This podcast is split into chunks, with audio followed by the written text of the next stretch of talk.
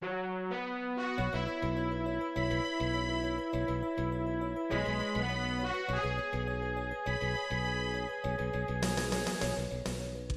listening to Radio Free Asia. The following program is in Khmer.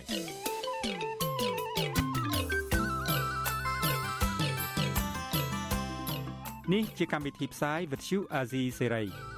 នេះជាកម្មវិធីផ្សាយរបស់ Vithu Azisari ជាភាសាខ្មែរ វត្តឈូអាស៊ីសេរីសូមស្វាគមន៍លោកអ្នកនាងទាំងអស់ពីរដ្ឋធានី Washington នៃសហរដ្ឋអាមេរិកចាប់ពីរដ្ឋធានី Washington នាងខ្ញុំម៉ៅសុធានីសូមជម្រាបសួរលោកអ្នកស្ដាប់ទាំងអស់ជាទីមេត្រីចាយើងខ្ញុំសូមជូនការផ្សាយសម្រាប់ព្រឹកថ្ងៃសៅរ៍300ខែមករាឆ្នាំថោះបញ្ញស័កពុទ្ធសករាជ2567ហើយដល់ត្រូវនៅថ្ងៃទី30ខែធ្នូគ្រិស្តសករាជ2023 ជាកិច្ចចាប់ផ្ដើមនេះនាងខ្ញុំសូមអញ្ជើញលោកអ្នកនាងកញ្ញាស្ដាប់ព័ត៌មានប្រចាំថ្ងៃដែលមានមេត្តាដូចតទៅសមត្ថកិច្ចថៃបន្តឃុំខ្លួនជនភៀសខ្លួនខ្មែរ7នាក់ដែលបានចូលរួមវគ្គសិក្សាស្វែងយល់ពីកិច្ចព្រមព្រៀងសន្តិភាពទីក្រុងប៉ារីសមន្ត្រីសង្គមស៊ីវិលទទូចដល់អាជ្ញាធរឲ្យស្វែងរកជនបង្កដែលបាក់ឡានបុកមនុស្សស្លាប់ឲ្យបានឆាប់ឆាប់ក្រុមសហជីពស្នើក្រសួងកាងារពន្លឿនការឆ្លើយតបសំណើផ្ដល់ប័ណ្ណបសសឲ្យកម្មករគ្រប់វិស័យ តើរដ្ឋាភិបាលគួរមានយុទ្ធសាស្ត្របែបណា សម្រាប់ដោះស្រាយបញ្ហាជួញដូរមនុស្សនៅឆ្នាំ2024រួមនឹងព័ត៌មាន សំខាន់សំខាន់មួយចំនួនទៀតចាត់ជាបន្តទៅទៀតនេះនាងខ្ញុំម៉ៅសុធានីសូមជូនព័ត៌មានទាំងនោះពឺស្ដាប់ ចាលោកនានីជាទីមេត្រីកាត់ត្រឹមម៉ោង11យប់ថ្ងៃទី29ខែធ្នូម្សិលមិញសមត្ថកិច្ចថៃបានបញ្ជូនជនភៀសខ្លួនខ្មែរចំនួន7នាក់ពីប៉ុស្តិ៍នគរបាលមូលដ្ឋានយកទៅឃុំខ្លួននៅប៉ុស្តិ៍នគរបាលអន្តោប្រវេសន៍ឬហៅថាតមសួនភ្លូដើម្បីបន្តសាកសួរអំពីការចូលរួមវគ្គសិក្សាស្វែងយល់ពីកិច្ចព្រមព្រៀងសន្តិភាពទីក្រុងប៉ារីស23ដុល្លារនៅក្នុងទីក្រុងបាងកក ដែលមានអ្នកចូលរួមប្រមាណជាង30នាក់កាលពីព្រឹកថ្ងៃទី29ខែធ្នូមន្ត្រីសិទ្ធិមនុស្សលើកឡើងថាសមត្ថកិច្ចថៃគួរតែដោះលែងជនភៀសខ្លួនទាំងនោះពីព្រោះការរៀនសូត្រពីកិច្ចព្រមព្រៀងសន្តិភាពទីក្រុងប៉ារីសគឺមិនខុសច្បាប់ប្រទេសថៃនោះឡើយ ជនភៀសខ្លួនទាំង7នាក់ដែលសមត្ថកិច្ចថៃបន្តឃុំខ្លួន នៅប៉ុស្តិ៍នគរបាលអន្តោប្រវេសន៍សួនភ្លូរួមមានសកម្មជន សង្គមកញ្ញាអេងម៉ាឡៃហៅសូមេតាអតីតកម្មការនីរោងចក្រកាត់ដេរលោកស្រីសំសុខា ដែលធ្លាប់យកស្បែកជើងគប់រូបថតលោកហ៊ុនសែនសកម្មជនបកសង្គ្រោះជាតិគណៈបកភ្លើងទៀនរួមទាំងជនភៀសខ្លួនខ្មែរក្រៅមួយចំនួនទៀត យុវជនធ្វើការងារសង្គមកញ្ញាអេងម៉ាឡៃហៅសូមេតាប្រពន្ធអសីស្រីកាលពីយប់ថ្ងៃទី29ខែធ្នូថាមូលហេតុចូលរួមវគ្គសិក្សានេះគឺដើម្បីស្វែងយល់ឲ្យច្បាស់ពីកិច្ចព្រមព្រៀងសន្តិភាពទីក្រុងប៉ារីសចាបងអឺឥឡូវនេះគឺគេអាញាធរថៃបានបញ្ជូនពួកខ្ញុំទាំង8នាក់មកតមកសួនភ្លូចាគេនឹងយកពួកខ្ញុំដាក់ឃុំហើយ ដូចជាអត់មានហេតុកាយទេបងតែគ្រាន់ថាពួកខ្ញុំនិងក្រុមការងារបងស៊ូស្រនហ្នឹងគាត់ចុះមកបរៀនច្បាប់23តុលាដល់ពួកយើងជាជនភៀសខ្លួននិងពលករឲ្យបានស្គាល់ពីសិទ្ធិនិងស្គាល់ពីច្បាប់ តំណាងជនភៀសខ្លួននៅប្រទេសថៃលោកលឹមសុខាដែលកំពុងតាមដានរឿងនេះបញ្ជាក់បន្ថែមកាលពីយប់ថ្ងៃសុក្រថាក្រោយពីការចាប់ខ្លួនភ្លាមភ្លាមសមត្ថកិច្ចថៃសម្រេចដោះលែងវិញតែពីរនាក់ម្ដាយកូនទេ តែម្ដុំម៉ោង11យប់ថ្ងៃដដែលនោះសមត្ថកិច្ចថៃក៏សម្រេចដោះលែងម្នាក់ទៀតតែលោកមិនទាន់បានដឹងអត្តសញ្ញាណអ្នកទី3នោះថា គឺជាអ្នកណាឲ្យប្រកាសហើយថាតើហេតុអ្វីបានជាថៃដោះលែងវិញនោះឡើយ ចំណែកអតីតកម្មការិនីរោងចក្រកាត់ដេរលោកស្រីសំសុខាវិញ ដែលធ្លាប់ជាប់ពន្ធនាគារចំនួន4ឆ្នាំ ពីបទយកស្បែកជើងគប់រូបថតលោកហ៊ុនសែនហើយដែលបច្ចុប្បន្នកំពុងភៀសខ្លួននៅប្រទេសថៃក៏បានប្រាប់ថាលោកស្រីបារម្ភពីសុវត្ថិភាពរបស់ខ្លួននិងកូនកូន ក្រោយពីអាជ្ញាធរចាប់ខ្លួនម្ដងទៀតខ្ញុំមានការព្រួយបារម្ភជាខ្លាំងដោយសារតែ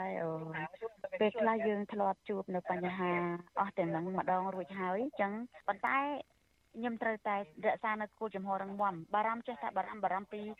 សុខភាពខ្លួនឯងផងបារម្ភពីអនាគតរបស់កូនកូនខ្ញុំផងព្រោះអីការចាប់លើកមុន4ឆ្នាំខ្ញុំត្រូវខូចអនាគតទាំងខ្លួនឯងទាំងកូនកូនទាំងអស់ទៀតហើយពាក់ព័ន្ធនឹងសុខភាពគឺខ្ញុំមានការបារម្ភខ្លាំងហ្មងបងវាមិនពាក់ព័ន្ធគណៈបកអ្វីទេវាដូចថាជាពាក់ព័ន្ធនឹងដូចថាការការបង្រៀនច្បាប់ខ្ញុំគិតថា ពលរដ្ឋមានសិទ្ធិរៀនវាអត់ពាក់ព័ន្ធជាមួយនឹងរដ្ឋាភិបាលចាលោកលឹមសុខាឲ្យដឹងដែរថាសមត្ថកិច្ចថៃគាត់ខ្លួនចំពោះអ្នកដែលមានការសម្គាល់ខ្លួនផ្ដាល់ឲ្យដោយអង្គការសហប្រជាជាតិទទួលបន្ទុកជនភៀសខ្លួន UNHCR ចំណែកពលករខ្មែរនិងអ្នកចូលរួមផ្សេងទៀតដែលមានលិខិតឆ្លងដែនស្របច្បាប់សមត្ថកិច្ចមិនបានខាត់ខ្លួនពួកគេនោះឡើយពលករហ្នឹងគឺគេអត់ ចាប់ទេគេចាប់តែអ្នកមានកាត UN អញ្ចឹងណាបើសិនជាគាត់មានឯកសារជាកាត UN ហើយអញ្ចឹងបានន័យថាពួកគាត់នឹងរស់នៅក្នុងប្រទេសថៃដោយស្របច្បាប់ជ្រកកោនដោយអង្គការសហជីវជាតិអ្នកទទួលខុសត្រូវ ការបង្រៀនពីកិច្ចព្រមព្រៀងសន្តិភាពទីក្រុងប៉ារីសនេះគឺរៀបចំឡើងដោយជនភៀសខ្លួននិងពលករខ្មែរនៅប្រទេសថៃ ដែលបង្រៀនដល់សកម្មជនកិច្ចព្រមព្រៀងសន្តិភាពទីក្រុងប៉ារីសគឺលោកស្រុនស្រនលោកស្រុនស្រនយថាសមត្ថកិច្ចខាត់ខ្លួនជនភៀសខ្លួននៅពេលនេះពីព្រោះមានអ្នកញុះញង់ទៅអាជ្ញាធរថៃ មិនមែនជាមនុស្សដែលធម្មតាទេដែលតែប្តឹងអាជ្ញាធរថៃមកខាត់ខ្លួនជនដែលមានកាត UN នេះណាបើសិនបើក្នុងករណីក្នុងរយៈពេលស្អែកខាងស្អែកពួកខ្ញុំទៅបង្រៀននៅសមុទ្រប្រការទៀតខ្ញុំទៅបង្រៀនពលករនៅសមុទ្រប្រការហ្នឹងណាអញ្ចឹងបើសិនបើមានករណីនឹងប្រហែលអញ្ចឹងការឡើងទៀតខ្ញុំនឹងសូមអន្តរាគមន៍ពីអង្គការសហជីវជាតិឥឡូវខ្ញុំតាក់ទងជាមួយ UN Rights Watch ហើយទោះបីជាសមត្ថកិច្ចថៃបានខាត់ខ្លួនជនភៀសខ្លួនទាំងនោះ ប៉ុន្តែសមត្ថកិច្ចថៃមិនបានហាមឃាត់លោកស្រុនស្រនមិនឲ្យបង្រៀនពលករពីកិច្ចព្រមព្រៀងសន្តិភាពទីក្រុងប៉ារីសនេះឡើយហើយលោកក៏បានបង្រៀនរហូតចប់កម្មវិធីដោយការគ្រងទុកជនភៀសខ្លួនម្នាក់ទៀតលោកហងស៊ីសវ័តដែលមកចូលរួមរៀនស្វែងយល់ពីកិច្ចព្រមព្រៀងសន្តិភាពនេះលើកឡើងថាការរៀនសូត្រនេះមិនមែនរៀនពីរបៀបដួលរំលំរដ្ឋាភិបាលកម្ពុជានោះឡើយ ច្បាប់ជាតិអន្តរជាតិហ្នឹងសំខាន់ណាស់បើយើង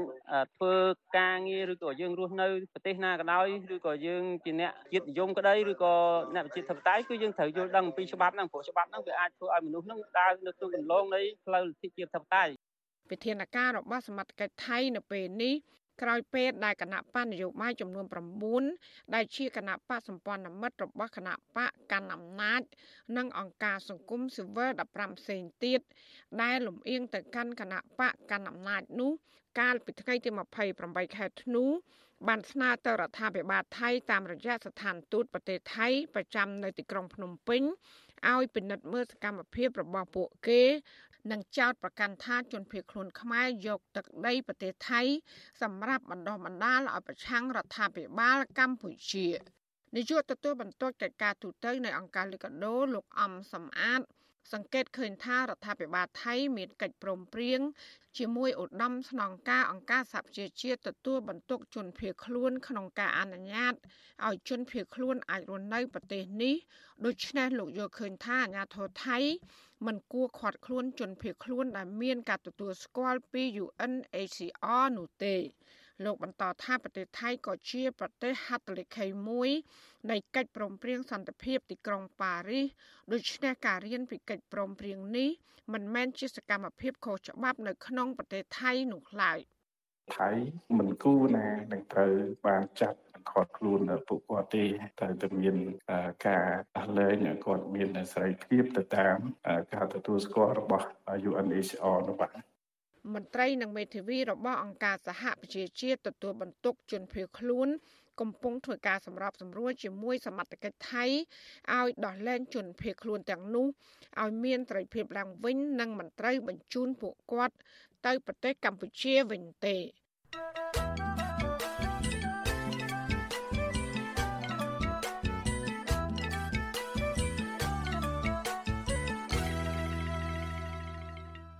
ចាលោកនាងជាទីមេត្រីក្រសួងសុខាភិបាលអំពាវនាវឲ្យប្រជាពលរដ្ឋប្រុងប្រយ័ត្ន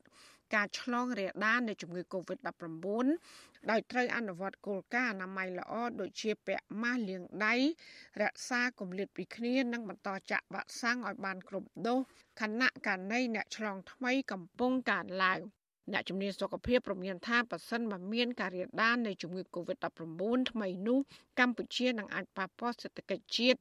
និងការរស់នៅរបស់ប្រជាពលរដ្ឋចាប់ពីរដ្ឋធានី Washington លោកលេងម៉ាលីរាយការណ៍ព័ត៌មាននេះក្រសួងសុខាភិបាលនៅយប់ថ្ងៃទី28ខែធ្នូបានប្រកាសព័ត៌មានអំពីការរកឃើញវីរុស COVID-19 បំផ្លែងថ្មី ប្រភព Omicron JN1 តែក្រសួងអះអាងថាអ្នកជំងឺទាំងនោះទទួលបានការព្យាបាលជាសះស្បើយដោយបន្តធ្វើចាត់តេល័យស័កនៅតាមផ្ទះរៀងៗខ្លួនក្រសួងបញ្ជាក់ថាដោយផ្អែកតាមអង្គការសុខភាពពិភពលោកថាជំងឺ Covid-19 ប្រភេទថ្មីនេះមិនសូវមានសភាពធ្ងន់ធ្ងរទេដោយសារតែជាវីរុសប្រភេទចាប់អារម្មណ៍ឬ variant of interest មិនមែនជាវីរុសបំផ្លែងថ្មីដែលជាប្រភេទព្រួយបារម្ភនោះទេ តែទោះយ៉ាងណាក្តីក្រសួងសុខាភិបាលក៏សម្គាល់ដោយរកឃើញថាករណីឆ្លងជំងឺ Covid-19 តាមរយៈការធ្វើតេស្តរហ័សនៅក្នុងចំណោមអ្នកជំងឺដែលមកទទួលសេវាសុខាភិបាលនៅតាមមន្ទីរពេទ្យមានចំនួនកើនឡើងបញ្ហានេះក្រសួងសុខាភិបាលអំពាវនាវដល់ប្រជាពលរដ្ឋឲ្យប្រុងប្រយ័ត្នដោយត្រូវអនុវត្តគោលការណ៍អនាម័យដូចជាការពាក់ម៉ាស់លាងដៃរក្សាគម្លាតពីគ្នា បន្តចាក់វ៉ាក់សាំងឲ្យបានគ្រប់ដូស ហើយអ្នកដែលមានហានិភ័យដូចជាកុមារចាស់ជរានិងបុគ្គលដែលមានជំងឺប្រចាំកាយស្ត្រីមានផ្ទៃពោះមិនត្រូវចូលរួមកម្មវិធីដែលមានមនុស្សច្រើនជាដើម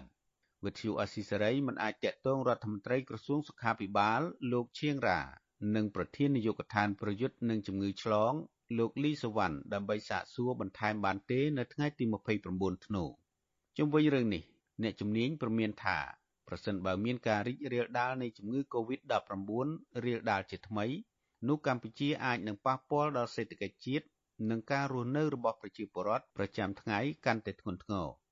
ប្រធានសមាគមគ្រូពេទ្យគុណធម៌កម្ពុជាលោកអ៊ូចវុធីប្រាប់វិទ្យុអស៊ីសេរីថាករណីថ្មីបច្ចុប្បន្ននេះមានចំនួនតិចតួចនៅឡើយ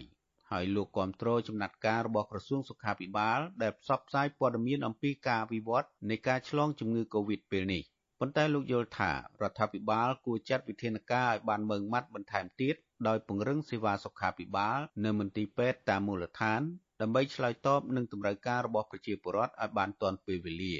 ទោះបីវីរុសប្រភេទថ្មីមានសភាពធូរស្រាលក៏ដោយក៏លោករំលឹកដល់ប្រជាពលរដ្ឋខ្មែរថាត្រូវតែបន្តប្រុងប្រយ័ត្ននិងការពារខ្លួនជាប្រចាំតាមរយៈការពាក់ម៉ាស់លាងសម្អាតដៃឲ្យបានត្រឹមត្រូវ ដើម្បីជៀសផុតពីជំងឺ Covid-19 នេះក្នុងនាមខ្ញុំជាគ្រូពេទ្យជាគ្រូពេទ្យក្រៅរដ្ឋាភិបាលជាគ្រូពេទ្យ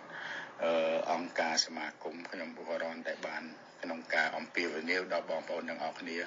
ឲ្យចេះប្រយ័ត្នខ្លួនបាទការពារខ្លួន ហានិភ័យវានឹងអាចនឹងកើតមានមួយផ្លែតមួយផ្លែតដល់បងប្អូនបាទហើយបើសិនជាមានអាការៈមិនស្រួលគឺបងប្អូនទៅរកមណ្ឌលសុខភាពក្បែរខ្លួនក្បែរផ្ទះឬក៏មន្ទីរពេទ្យរដ្ឋឲ្យទាន់ពេលវេលាគឺត្រឹមព្រឹកថ្ងៃទី29ខែធ្នូកម្ពុជាមានអ្នកឆ្លងជំងឺ Covid-19 សរុបជិត140,000នាក់ក្នុងនោះអ្នកជាសះស្បើយមានជាង135,000នាក់និងអ្នកស្លាប់នៅចំនួន3056នាក់ដដែល ខ្ញុំបាទលេងម៉ាលីវិទ្យុអស៊ីសេរី Washington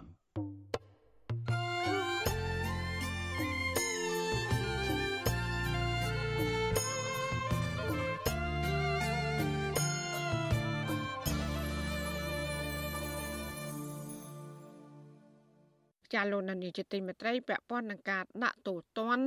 ដល់ជនប្រព្រឹត្តអំពើពុករលួយវិញ អ្នកខ្លំមើលនឹងមន្ត្រីសង្គមស៊ីវិលលើកឡើងថាការចាត់វិធានការច្បាប់ទៅលើមន្ត្រីប្រព្រឹត្តអំពើពុករលួយ គឺមានការពិបាកណាស់បើសិនបើមានជាប់ខ្សែស្រឡាយនឹងបពពួកអ្នកមានអំណាចការលើកឡើងនេះបន្ទាប់ពីរដ្ឋមន្ត្រីក្រសួងមហាផ្ទៃសម្រាប់ផ្ទេរតួនាទីមន្ត្រីមួយចំនួនទៅកាន់កន្លែងផ្សេង តែមិនបានផ្ដន្ទាទោសក្រោយដែលរកឃើញថាមានប្រព្រឹត្តអំពើពុករលួយ ចាកញ្ញាខណ្ឌលក្ខណារិកា អ្នកខ្លមើនឹងសង្គមស៊ីវិលលើកឡើងថា វិធានការផ្ទេរនិងការបញ្ចប់មុខតំណែងដោយគ្មានការដាក់ទោសទណ្ឌតាមច្បាប់លើមន្ត្រីទាំងនោះគឺมันអាចដោះស្រាយបញ្ហាអំពើពុករលួយ និងអំពើអយុត្តិធម៌នៅក្នុងសង្គមករណីធំធំបានឡើយកាលពីថ្ងៃទី26ធ្នូរដ្ឋាភិបាលបានដកតំណែងលោកតាន់សុវិជា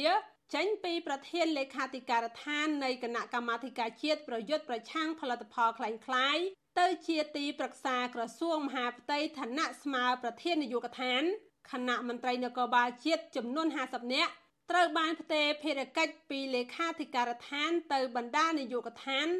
អង្គភាពចំណុះអគ្គស្នងការដ្ឋាននគរបាលជាតិវិញ ការផ្ទេរនឹងបញ្ចប់មុខតំណែងនេះបន្ទាប់ពីព្រះមហាក្សត្រកាលពីពេលថ្មីថ្មី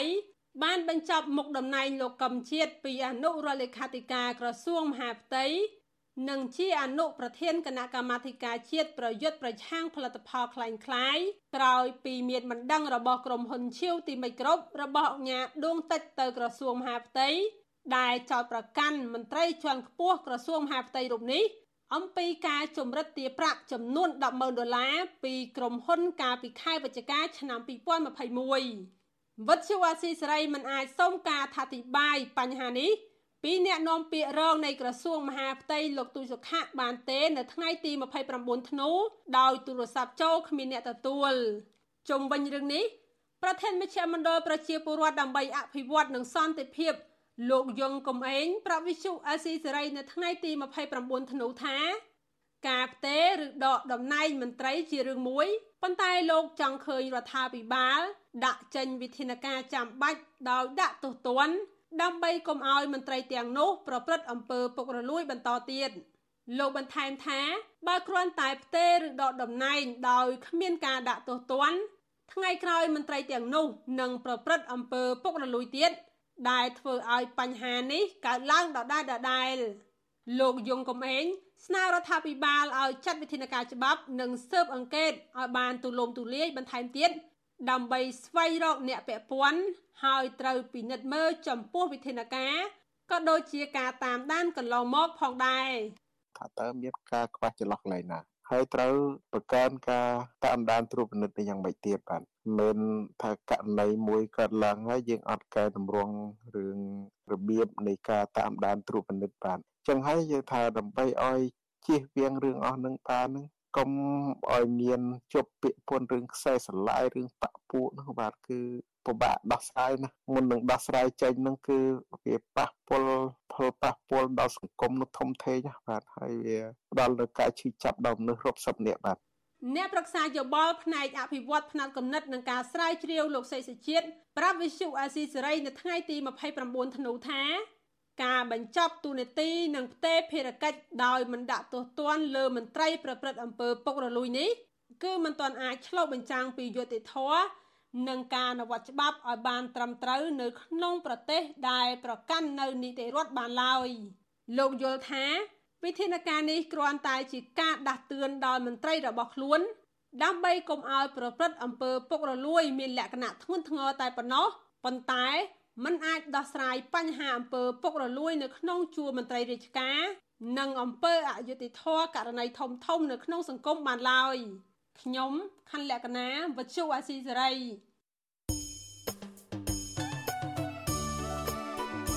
ចាលោកនាងកញ្ញាជាទីមេត្រីដំណើរគ្នានឹងស្ដាប់ការផ្សាយរបស់វិទ្យុអស៊ីសេរីតាមបណ្ដាញសង្គម Facebook YouTube និង Telegram លោកអ្នកនាងក៏អាចស្ដាប់ការផ្សាយរបស់យើងតាមរយៈរលកធាតុអាកាសខ្លីឬ short wave តាមកម្រិតនិងកម្ពស់ដូចតទៅ ចាប់ពីព្រឹកចាប់ពីម៉ោង5កន្លះដល់ម៉ោង6កន្លះតាមរយៈប៉ុស SW 93.90 MHz ស្មើនឹងកម្ពស់ 32m និងប៉ុស SW 11.85 MHz ស្មើនឹងកម្ពស់ 25m ចាសម្រាប់ពេលយប់វិញ គឺចាប់ពីម៉ោង7កន្លះដល់ម៉ោង8កន្លះគឺតាមរយៈប៉ុស SW 93.30 MHz ស្មើនឹងកម្ពស់ 32m ប៉ុស SW 11.88 MHz ស្មើនឹងកម្ពស់ 25m និងប៉ុស SW 15.15 MHz ស្មើនឹងកម្ពស់ 20m ចាសសូមអរគុណ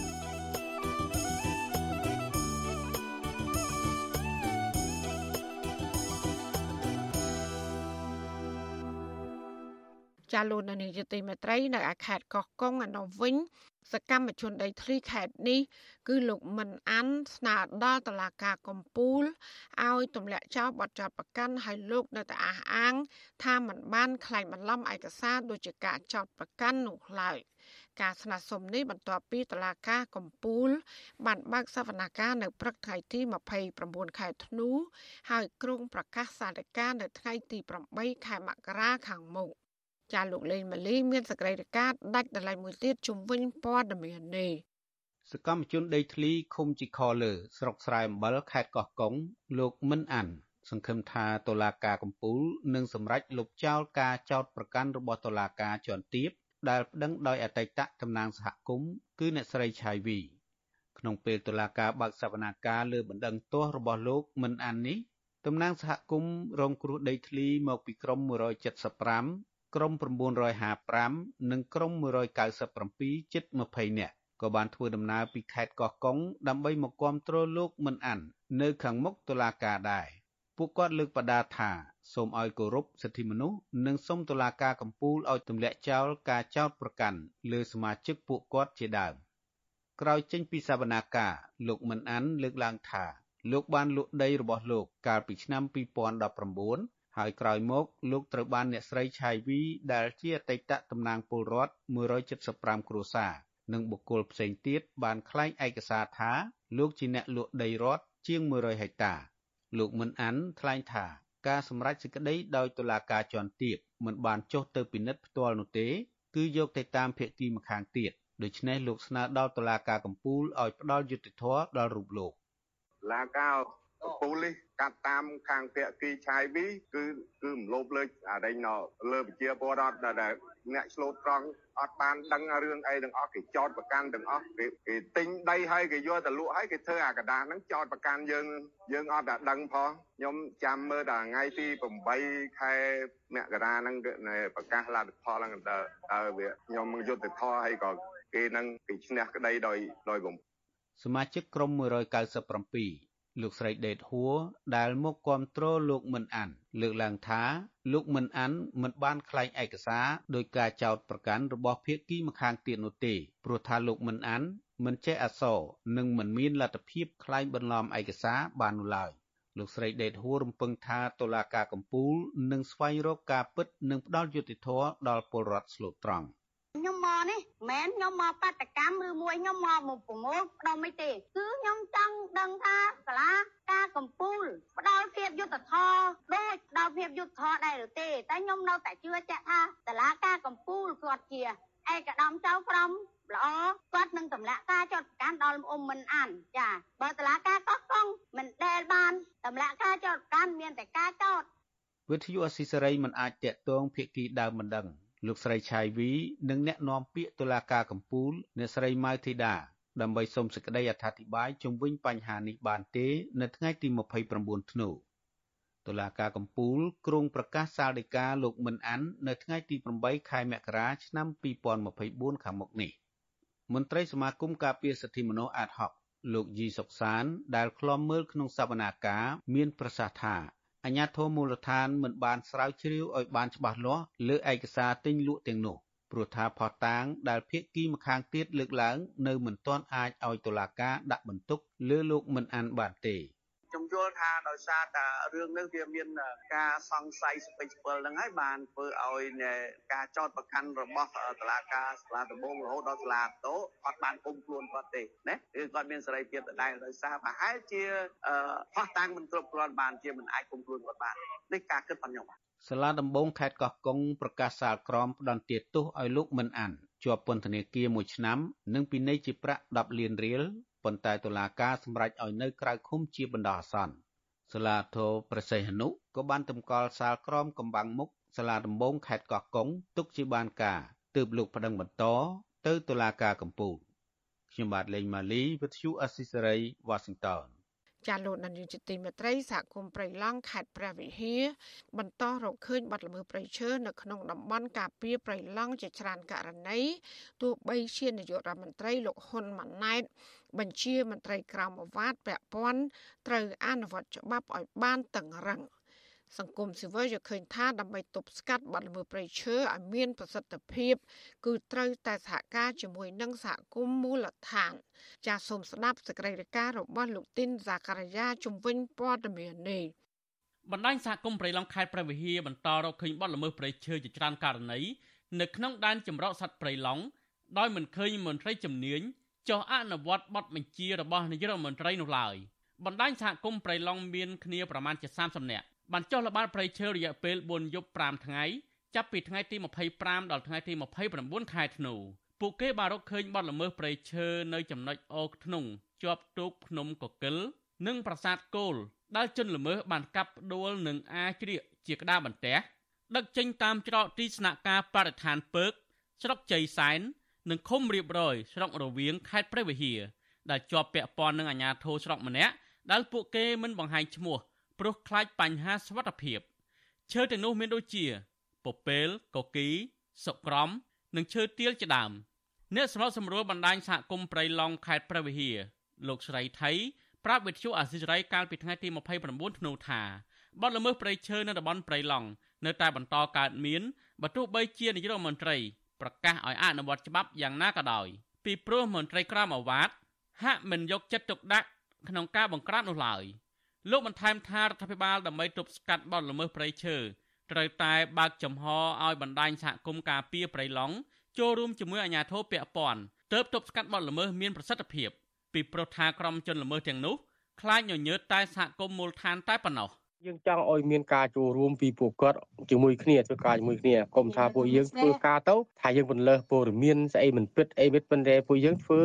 ឃើញប៉ុណ្ណាគឺថាប៉ុណ្ណាឯងហើយទីតាំងលេខនិយាមការយើងហុចឲ្យគាត់រហូតទេពីមុនមុនមុនណាពីកាប់ទីណាកន្លែងណាយើងឲ្យលេខនិយាមការគាត់ទាំងអស់ឲ្យគាត់ទៅធ្វើការត្រាវជ្រាវរស់អាជនល្មើសនោះប៉ុន្តែប្រហែលតាមដែលឃើញរចាប់បានជនល្មើសផងទស្សនវិជ្ជានៃការវត្តច្បាប់នៅទៅធូរលងដដែលជំវិញនឹងរឿងនេះមេបញ្ជាការកងរាជអាវុធហត្ថខេត្តព្រះវិហារ បញ្ជាក់យ៉ាងខ្លីថាលោកមិនទាន់ទទួលបានព័ត៌មាននិងពាក្យបណ្ដឹងពីសហគមន៍ប្រៃឡង់នោះទេរីឯប្រធានមន្ត្រីបរិស្ថានខេត្តព្រះវិហារលោកសុងច័ន្ទសុជាតិវិទ្យុអាស៊ីសេរីមិនអាចតាក់ទងដើម្បីសំសួរអំពីបញ្ហានេះបានទេតាមទូរស័ព្ទតាក់ទងនឹងរឿងនេះមន្ត្រីសម្រាប់សម្រួលគម្រោងនៃសមាគមបណ្ដាញយុវជនកម្ពុជា CYN លោកអូតឡាទីនសង្កេតឃើញថាបទល្មើសព្រៃឈើកើតមាននៅក្នុងតំបន់ព្រៃឡង់ដោយសារតែការអនុវត្តច្បាប់របស់អាជ្ញាធរពាក់ព័ន្ធនៅមានភាពរលុង។ និងមិនសាមគ្គីគ្នាជាមួយសហគមន៍មូលដ្ឋានទើបជនល្មើសទាំងនោះមិនខ្លាចនិងមិនរៀងចាលលោកបន្ថែមទៀតថាកត្តាទាំងនេះគឺជាកំហុសរបស់ក្រសួងបរិស្ថានដែលតែងតែរដ្ឋបတ်សិទ្ធិសេរីភាពប្រជាសហគមន៍មិនឲ្យចូលរួមការពារប្រៃឈើនៅតំបន់ប្រៃឡង់ដោយបទល្មើសនឹងនៅតែបន្តកើតមានបន្ថែមទៀតហើយខ្ញុំជឿថារដ្ឋាភិបាលនៅក្នុងអាណត្តិថ្មីនេះឲ្យសហគមន៍ចូលរួមការពារឡើងវិញ អាជ្ញាធររដ្ឋាភិបាលធ្វើកិច្ចការងារសហការជាមួយនឹងប្រជាពលរដ្ឋជាមួយនឹងសហគមន៍ក្នុងការការពារធនធានធម្មជាតិរួមគ្នាជាជាងដែលខ្ទប់បិទខ្ទប់សហគមន៍មិនឲ្យចូលរួមការពារប៉ុន្តែអាជ្ញាធរខ្លួនឯងនឹងគឺគាត់អត់មានសមត្ថភាពនៅក្នុងការបង្ក្រាបឬក៏លុបបំបាត់បទល្មើសធនធានធម្មជាតិនេះទេដែនចម្រុកសត្វព្រៃឡង់ត្រូវបានរដ្ឋាភិបាលពង្រីកទំហំផ្ទៃដីចាប់ពី430000ហិកតាទៅ48000ហិកតា គឺមានការកើនឡើងជាង50000ហិកតានេះបើតាមអនុក្រឹត្យរបស់រដ្ឋាភិបាលដែលបានចេញផ្សាយកាលពីថ្ងៃទី8វិច្ឆិកាទោះបីជារដ្ឋាភិបាលពង្រីកផ្ទៃដីធំជាងមុនយ៉ាងណាក្តីក៏តំបន់ការពារព្រៃឡង់នៅតែរងការកាប់យកឈើធំធំនិងការកាប់ទន្ទ្រានដីព្រៃធ្វើជាកម្មសិទ្ធិពីសំណាក់ក្រុមឈ្មួញនិងក្រុមហ៊ុនដីសម្បត្តិសេដ្ឋកិច្ចជំវិញតំបន់នោះយ៉ាងអនាធបត័យខ្ញុំបាទទីនសាការីយ៉ាអស៊ីសេរី ប្រធានាធិបតី Washington ចាលោកនាងកញ្ញាកំពុងស្ដាប់ការផ្សាយរបស់វិទ្យុអសីស្រីផ្សាយចេញពីរដ្ឋធានី Washington រយៈពេលជិត10ឆ្នាំចុងក្រោយនេះកម្ពុជាជាប់ឈ្មោះជាប្រទេសខ្វះនីតិរដ្ឋនិងសម្បូរទៅដោយក្រិតកម្មនានាខណៈប្រទេសមហាអំណាចធំធំ កំពុងសម្លឹងមើលឃើញថាកម្ពុជាកំពុងคล้ายជាទីតាំងរបស់ក្រុមអក្រិតជនសម្រាប់ជួញដូរមនុស្សក្នុងចំណោមប្រទេសផ្សេងៗទៀតនៅក្នុងតំបន់ តើរដ្ឋាភិបាលគួរមានយុទ្ធសាស្ត្របែបណាដើម្បីរំដោះខ្លួន ចេញពីបញ្ជីខ្មៅអាមេរិកនិងដោះស្រាយបញ្ហាជួញដូរមនុស្សនេះសម្រាប់ឆ្នាំ2024ចាសសេចក្តីរាយការណ៍ពីស្ដាមពីរឿងនេះលោកណានៀងនឹងបានស្ដាប់នាពេលបន្តិចទៀតនេះ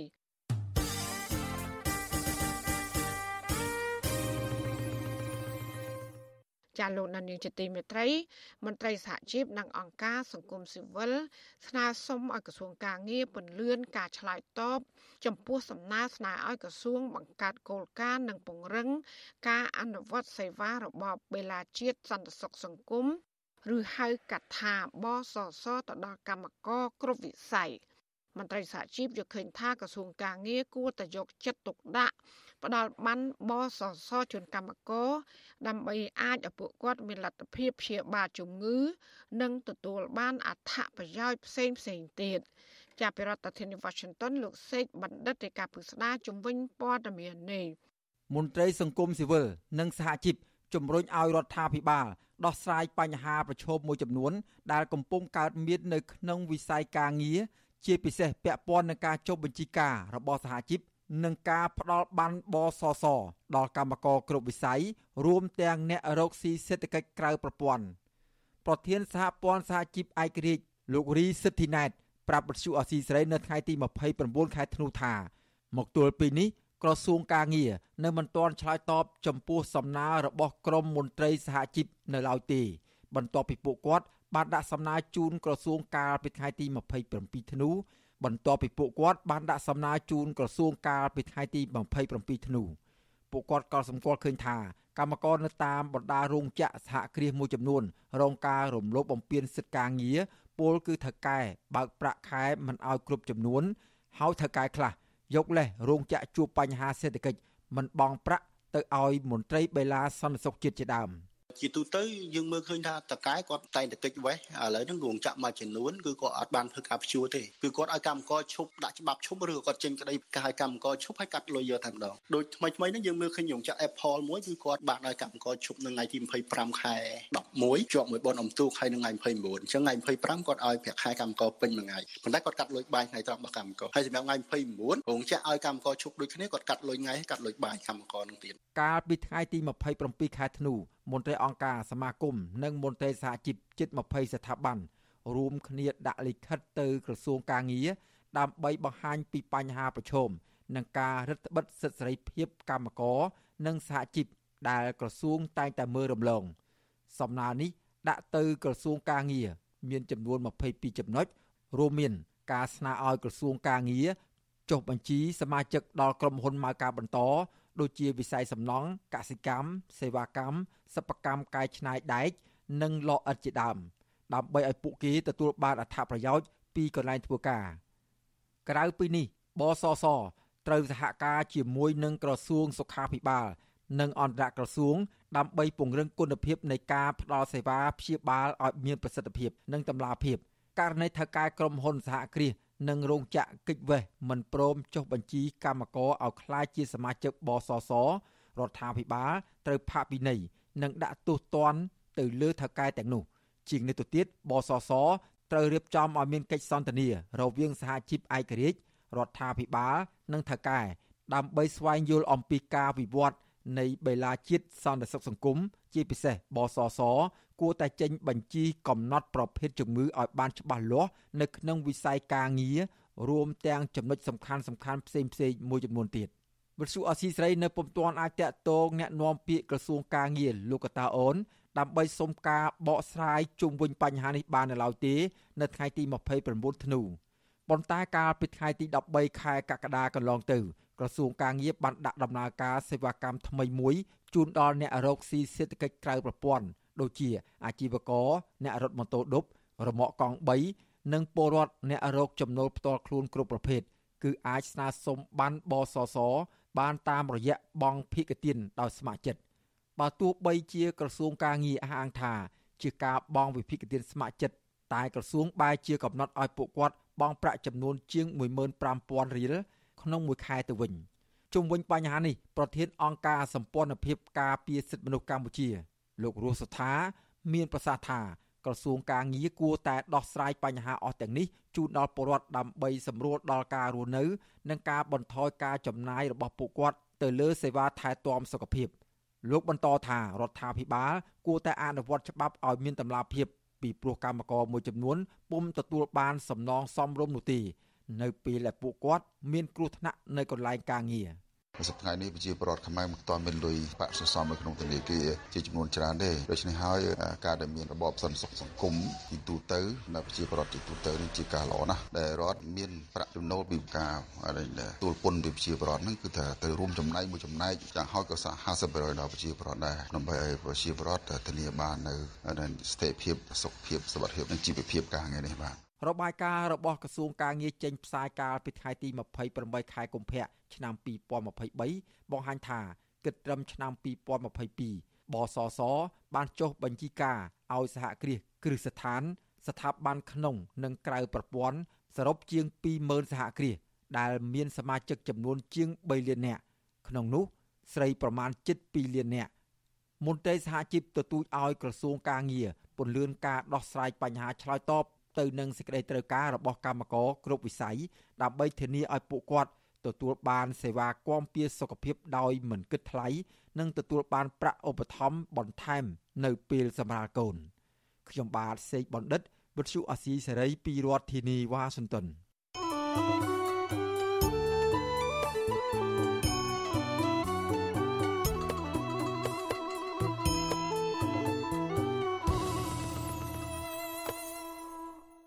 ចាលោកនានីជាទីមេត្រីនៅប្រទេសកម្ពុជាក្នុងឆ្នាំ2023ព្រឹត្តិការណ៍ដែលបានកើតឡើងនឹងលេចធ្លោជាងគេនោះគឺការរៀបចំការបោះឆ្នោតជាតិដែលអ្នកសង្កេតការថាជាការបោះឆ្នោតคล้ายคล้ายដើម្បីឲ្យក្រុមមេដឹកនាំគណៈបកកាន់អំណាច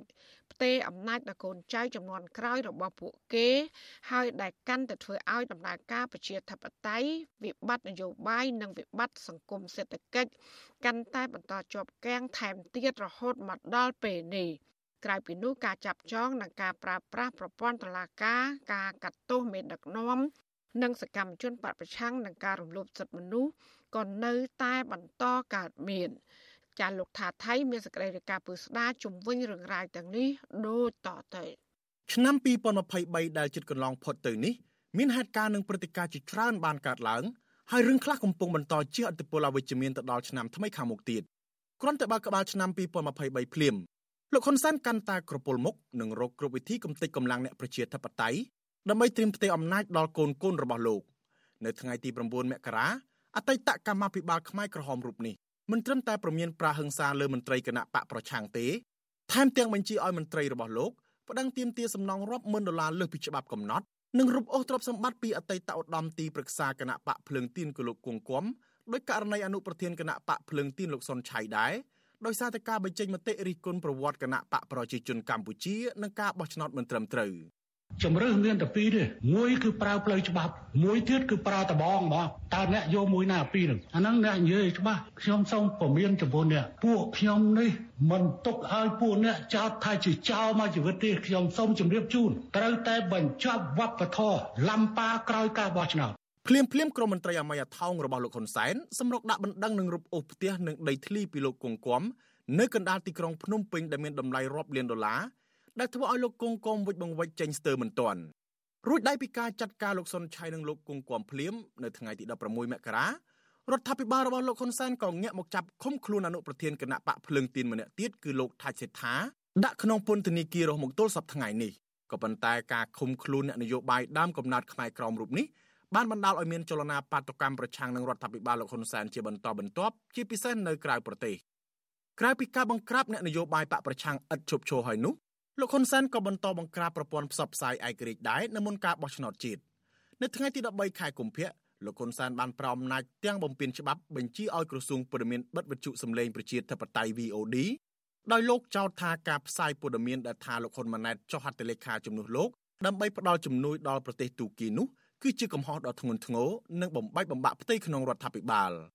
ក្រុមអង្គការជាតិនិងអន្តរជាតិព្រមទាំងក្រុមប្រទេសប្រជាធិបតេយ្យ បានថ្កោលទោសទង្វើរបស់លោកហ៊ុនសែនជាបន្តបន្ទាប់ចំពោះការបិទវិទ្យុ VOD ដែលជាប្រព័ន្ធផ្សព្វផ្សាយឯករាជ្យចុងក្រោយនៅកម្ពុជាក្រោយបិទវិទ្យុ VOD រួចនៅថ្ងៃទី3ខែមីនាតុលាការក្រុងភ្នំពេញក៏បានប្រកាសសាលក្រមកាត់ទោសលោកកឹមសុខាប្រធានគណៈបកសង្គ្រោះជាតិពីបទក្បត់ជាតិដោយឲ្យជាប់ឃុំក្នុងផ្ទះ27ឆ្នាំនិងដកហូតសិទ្ធិធ្វើនយោបាយព្រមទាំងហាមមិនឲ្យជួបអ្នកណាក្រៅពីសាច់ញាតិបានឡើយការកាត់ទោសមេបកប្រឆាំងរូបនេះ ត្រូវបានអង្គការជាតិនិងអន្តរជាតិនិងក្រុមប្រទេសប្រជាធិបតេយ្យប្រកាសថ្កោលទោសរដ្ឋាភិបាលលោកហ៊ុនសែននិងចាត់ទុកថាជាការដើរថយក្រោយនៃការអនុវត្តរដ្ឋធម្មនុញ្ញរបបប្រជាធិបតេយ្យសេរីពហុបកក្នុងពេលមានវិបត្តិនយោបាយនេះកម្ពុជាក៏ដល់វេនធ្វើជាម្ចាស់ផ្ទះនៃការរៀបចំព្រឹត្តិការណ៍កីឡាស៊ីហ្គេមលើកទី32ចាប់ពីថ្ងៃទី5ដល់ថ្ងៃទី17ខែឧសភានិងអាស៊ាន Para Game លើកទី12ចាប់ពីថ្ងៃទី3ដល់ថ្ងៃទី9មិថុនាព្រឹត្តិការណ៍កីឡាទាំងពីរនេះបានបិទបញ្ចប់ដោយមោទនភាពជាតិ និងការកេងចំណេញនយោបាយពីលោកហ៊ុនសែនព្រឹត្តិការណ៍កីឡាស៊ីហ្គេមដែលលោកហ៊ុនសែនចំណាយលុយជាតិអស់ចំនួន118លានដុល្លារនោះកម្ពុជាដណ្ដើមបានមេដាយសរុប282គ្រឿងក្នុងនោះមានមេដាយមាសចំនួន81គ្រឿងប្រាក់74គ្រឿងនិងសម្រាប់ចំនួន127គ្រឿងតួលេខនេះធ្វើឲ្យកម្ពុជាឈរលេខរៀងទី4ជាប្រទេសដែលទទួលបានមេដាយមាសច្រើនជាងគេដោយចង់អ៊ូតអាងថាកម្ពុជាតូចតែបេះដូងធំ លោកហ៊ុនសែនបានសម្រេចធ្វើរឿងមួយឲ្យខុសពីគេ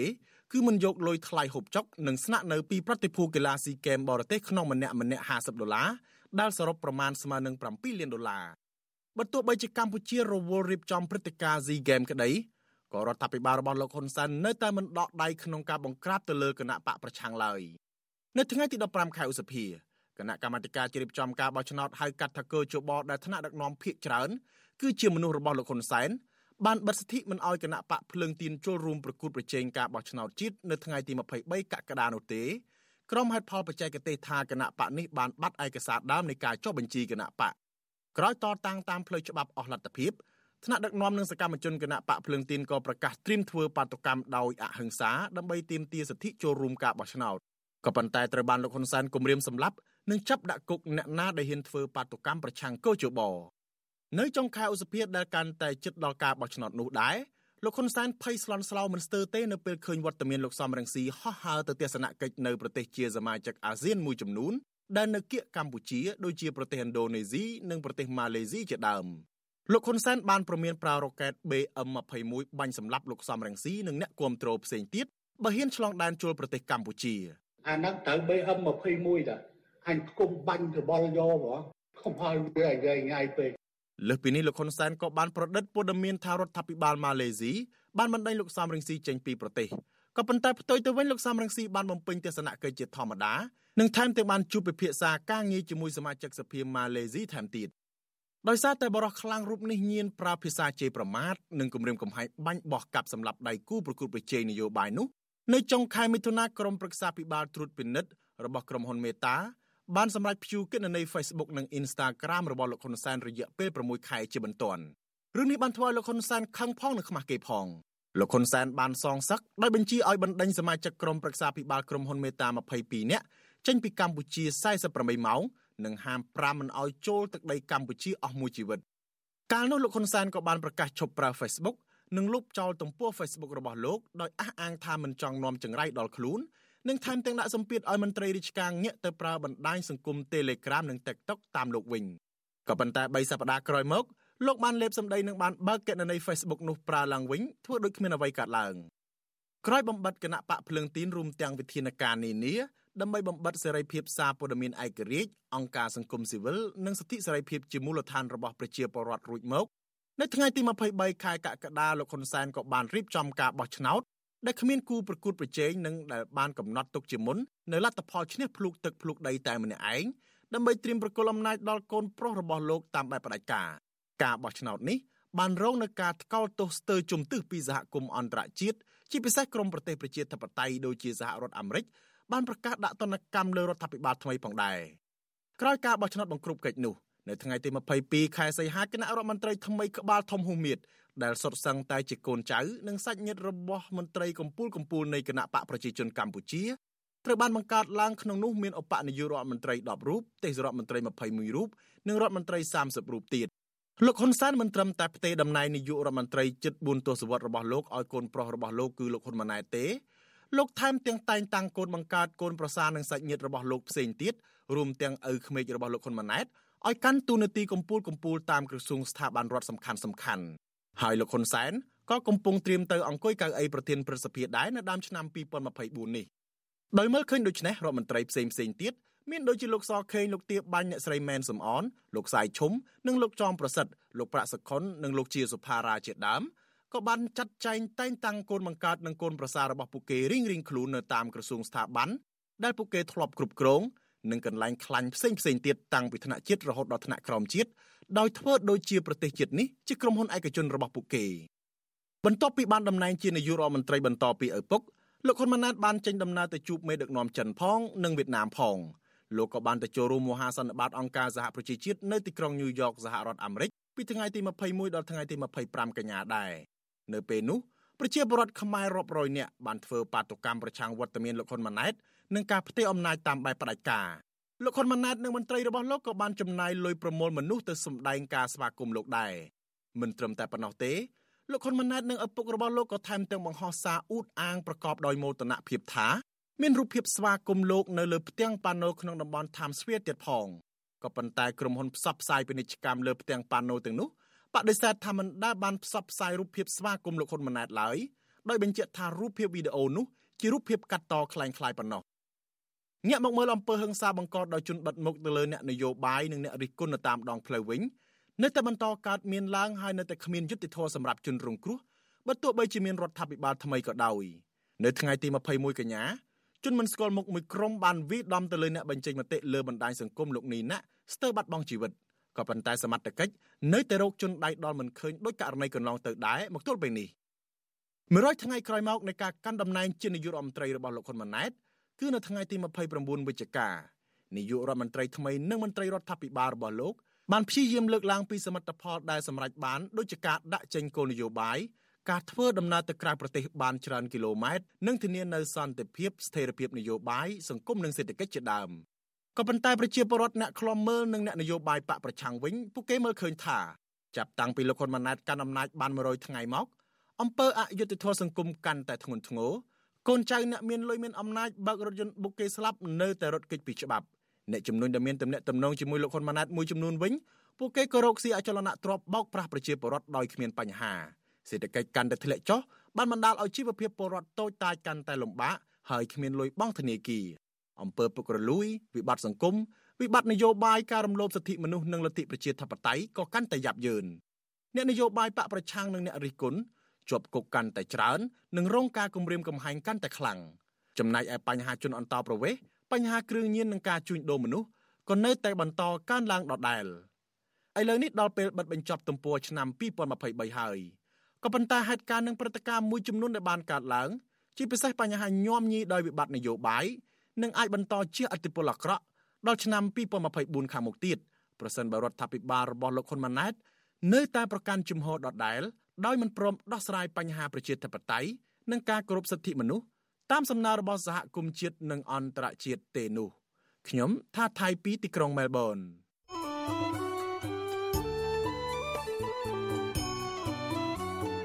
ាលោកដានៀងជាទីមេត្រីក្នុងឱកាសនេះដែរនាងខ្ញុំសូមថ្លែងអំណរគុណដល់លោកដានៀងកញ្ញាទាំងអស់ដែលតែងតែមានភក្ដីភាពចំពោះការផ្សាយរបស់យើងហើយចាត់ទុកការស្ដាប់វិទ្យុអសីសេរី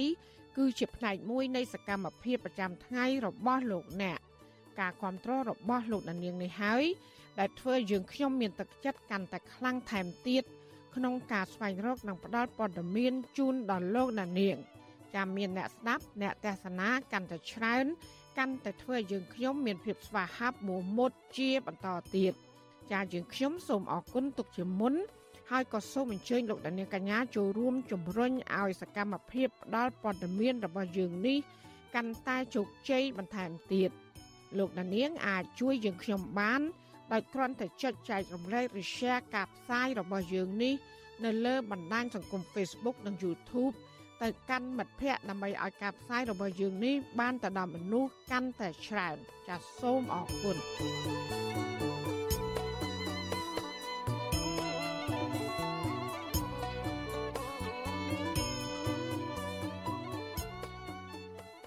ចាលោកនានីជាទីមេត្រី រយៈពេលជិត10ឆ្នាំចុងក្រោយនេះ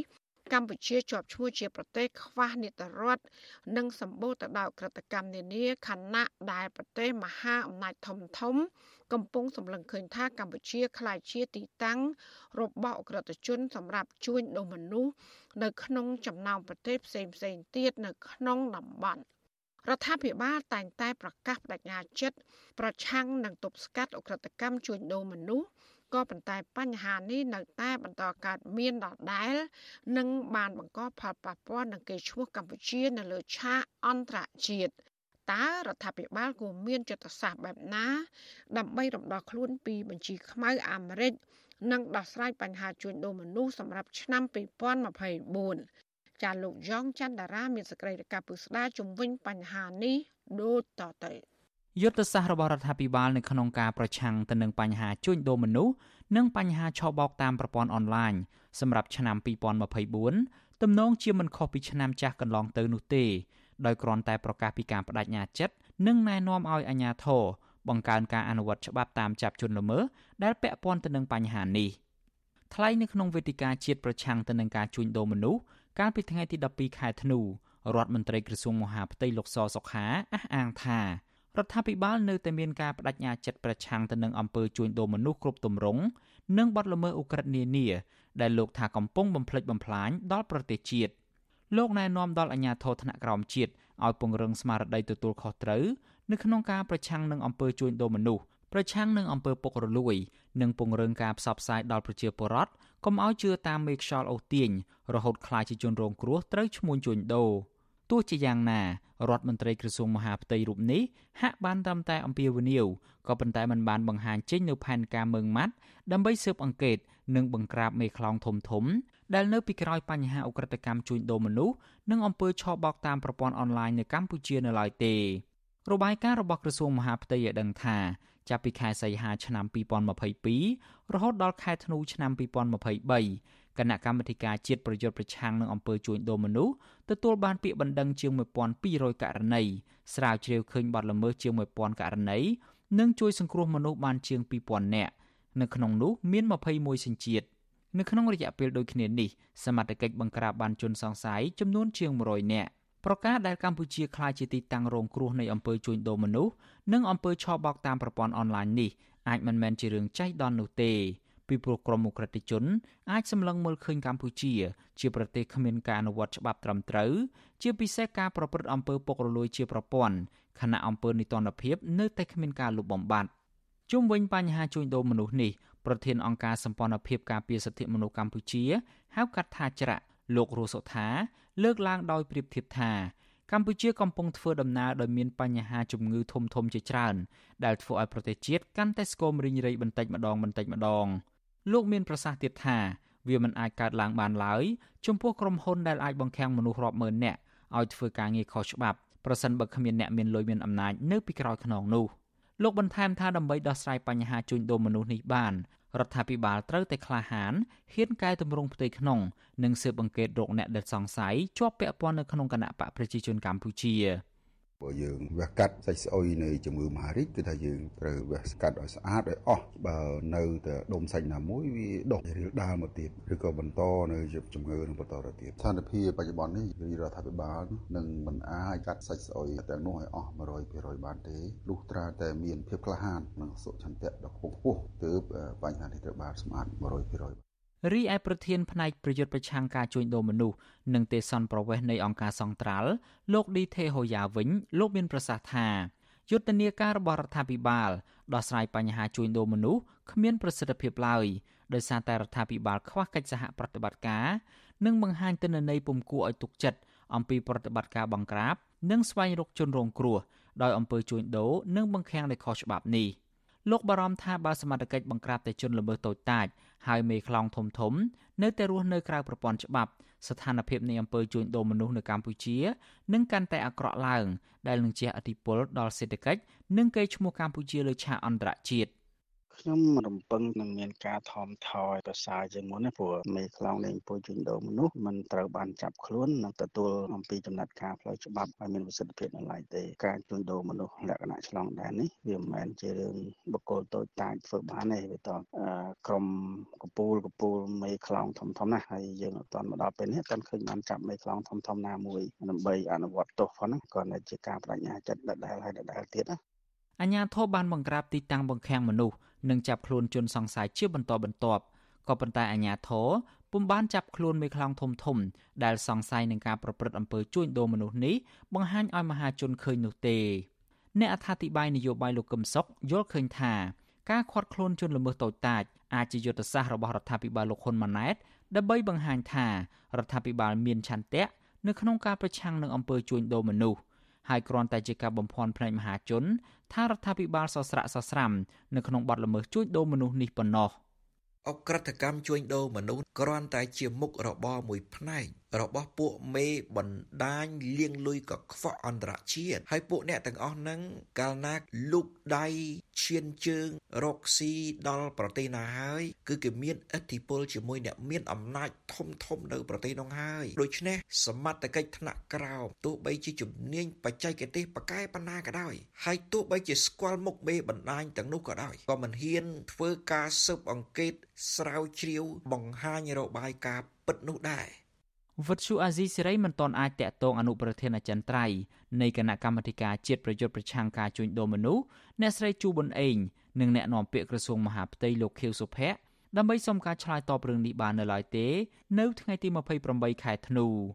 កាលពីពេលថ្មីថ្មីនេះចក្រភពអង់គ្លេសបានប្រកាសដាក់ទណ្ឌកម្មលើក្រុមហ៊ុនកាស៊ីណូចំនួន5និងមនុស្សចំនួន3នាក់នៅក្នុងនោះមានអ្នកចំនួនខ្មែរដើមកំណើតចិន2នាក់ ដោយបង្កកទ្រព្យសម្បត្តិនិងរដ្ឋបិទទឹកថាការមិនឲ្យជន់ទឹកដីអង់គ្លេសដោយសារតែពាក់ព័ន្ធទៅនឹងការជួញដូរមនុស្សនៅកម្ពុជានិងបង្ខំឲ្យជនរងគ្រោះធ្វើការសម្រាប់មជ្ឈមណ្ឌលឆបោកតាមប្រព័ន្ធអ៊ីនធឺណិតមនុស្សដែលរងទណ្ឌកម្មទាំងនោះមានទំនាក់ទំនងជិតស្និទ្ធនិងធ្លាប់ផ្ដល់ផលប្រយោជន៍ដល់លោកហ៊ុនសែនទន្ទឹមគ្នានេះរបាយការណ៍របស់អង្គការសហប្រជាជាតិចេញផ្សាយកាលពីចុងខែសីហាកន្លងទៅបង្ហាញថាមនុស្សប្រមាណ100,000នាក់ កំពុងរងគ្រោះដោយត្រូវគេបង្ខំឲ្យធ្វើការជាអ្នកឆបោកតាមប្រព័ន្ធអ៊ីនធឺណិតជនរងគ្រោះប្រឈមទៅនឹងការរំលោភបំពាននិងការគំរាមកំហែងដល់សវត្ថិភាពទទួលរងការធ្វើទរណកម្មដោយអំពើឃោរឃៅអមនុស្សធម៌ការឃុំខ្លួនដោយបំពានអំពើហិង្សាផ្លូវភេទការធ្វើការដោយបង្ខំនិងការរំលោភសិទ្ធិមនុស្សផ្សេងទៀតអ្នកជំនាញផ្នែកសិទ្ធិមនុស្សជាតិនិងអន្តរជាតិវិយតម្លៃថា ការដាក់ចេញយុទ្ធសាស្ត្ររបស់រដ្ឋាភិបាលកន្លងទៅនេះគ្មានប្រសិទ្ធភាពដោយសារតែអាជ្ញាធរបង្ក្រាបបានតែជនល្មើសតូចតាចក៏ប៉ុន្តែអ្នកមានអធិបុលដែលជាប់សង្ស័យនៅក្នុងបទល្មើសឧក្រិដ្ឋទាំងនេះនៅតែរស់នៅក្រៅប្រព័ន្ធច្បាប់ដដែលពួកគេទទូចឲ្យរដ្ឋាភិបាលមានឆន្ទៈមោះមុតនៅក្នុងការបង្ក្រាបការជួញដូរមនុស្សឲ្យដល់ឫសគល់ដើម្បីស្ដារកិត្តិយសកេរ្តិ៍ឈ្មោះរបស់កម្ពុជា នៅលើឆាកអន្តរជាតិឡើងវិញខ្ញុំយ៉ងច័ន្ទដារាវិទ្យុអាស៊ីសេរី Washington ចាលោកនាយកទីមេត្រីវិទ្យុអសីស្រីសូមជូនដំណឹងថាយើងគ្មានអ្នកយកព័ត៌មានប្រចាំនៅប្រទេសកម្ពុជាទេបើសិនជាមានជនណាម្នាក់អះអាង ថាជាអ្នកយកព័ត៌មានឲ្យវិទ្យុអសីស្រីនៅកម្ពុជានោះគឺជាការក្លែងបន្លំយកឈ្មោះអសីស្រីក្នុងគោលបំណងទុច្ចរិតណាមួយរបស់បុគ្គលនោះចាសសូមអរគុណ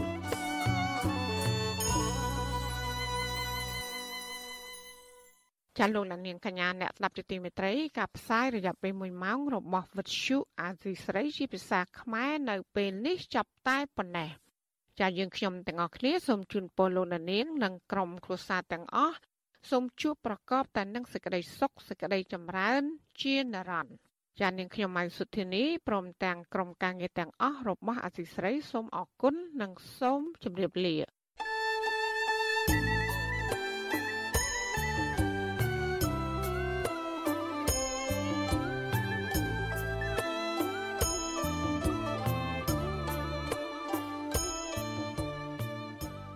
ទ្យុអេស៊ីសរ៉ៃផ្សាយតាមរលក ធារកាសខ្លីតាមកម្រិត និងកម្ពស់ដូចតទៅនេះ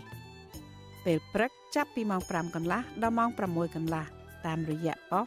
SW 93.90 MHz ស្មើនឹងកម្ពស់ 32m និងប៉ុស SW 11.85 MHz ស្មើនឹងកម្ពស់ 25m ពេលយប់ចាប់ពីម៉ោង7កន្លះដល់ម៉ោង8កន្លះតាមរយៈប៉ុស SW 93.30 MHz ស្មើនឹងកម្ពស់ 32m ប៉ុស SW 11.88 MHz ស្មើនឹងកម្ពស់ 25m និងប៉ុស SW 15.15 MHz ស្មើនឹងកម្ពស់ 20m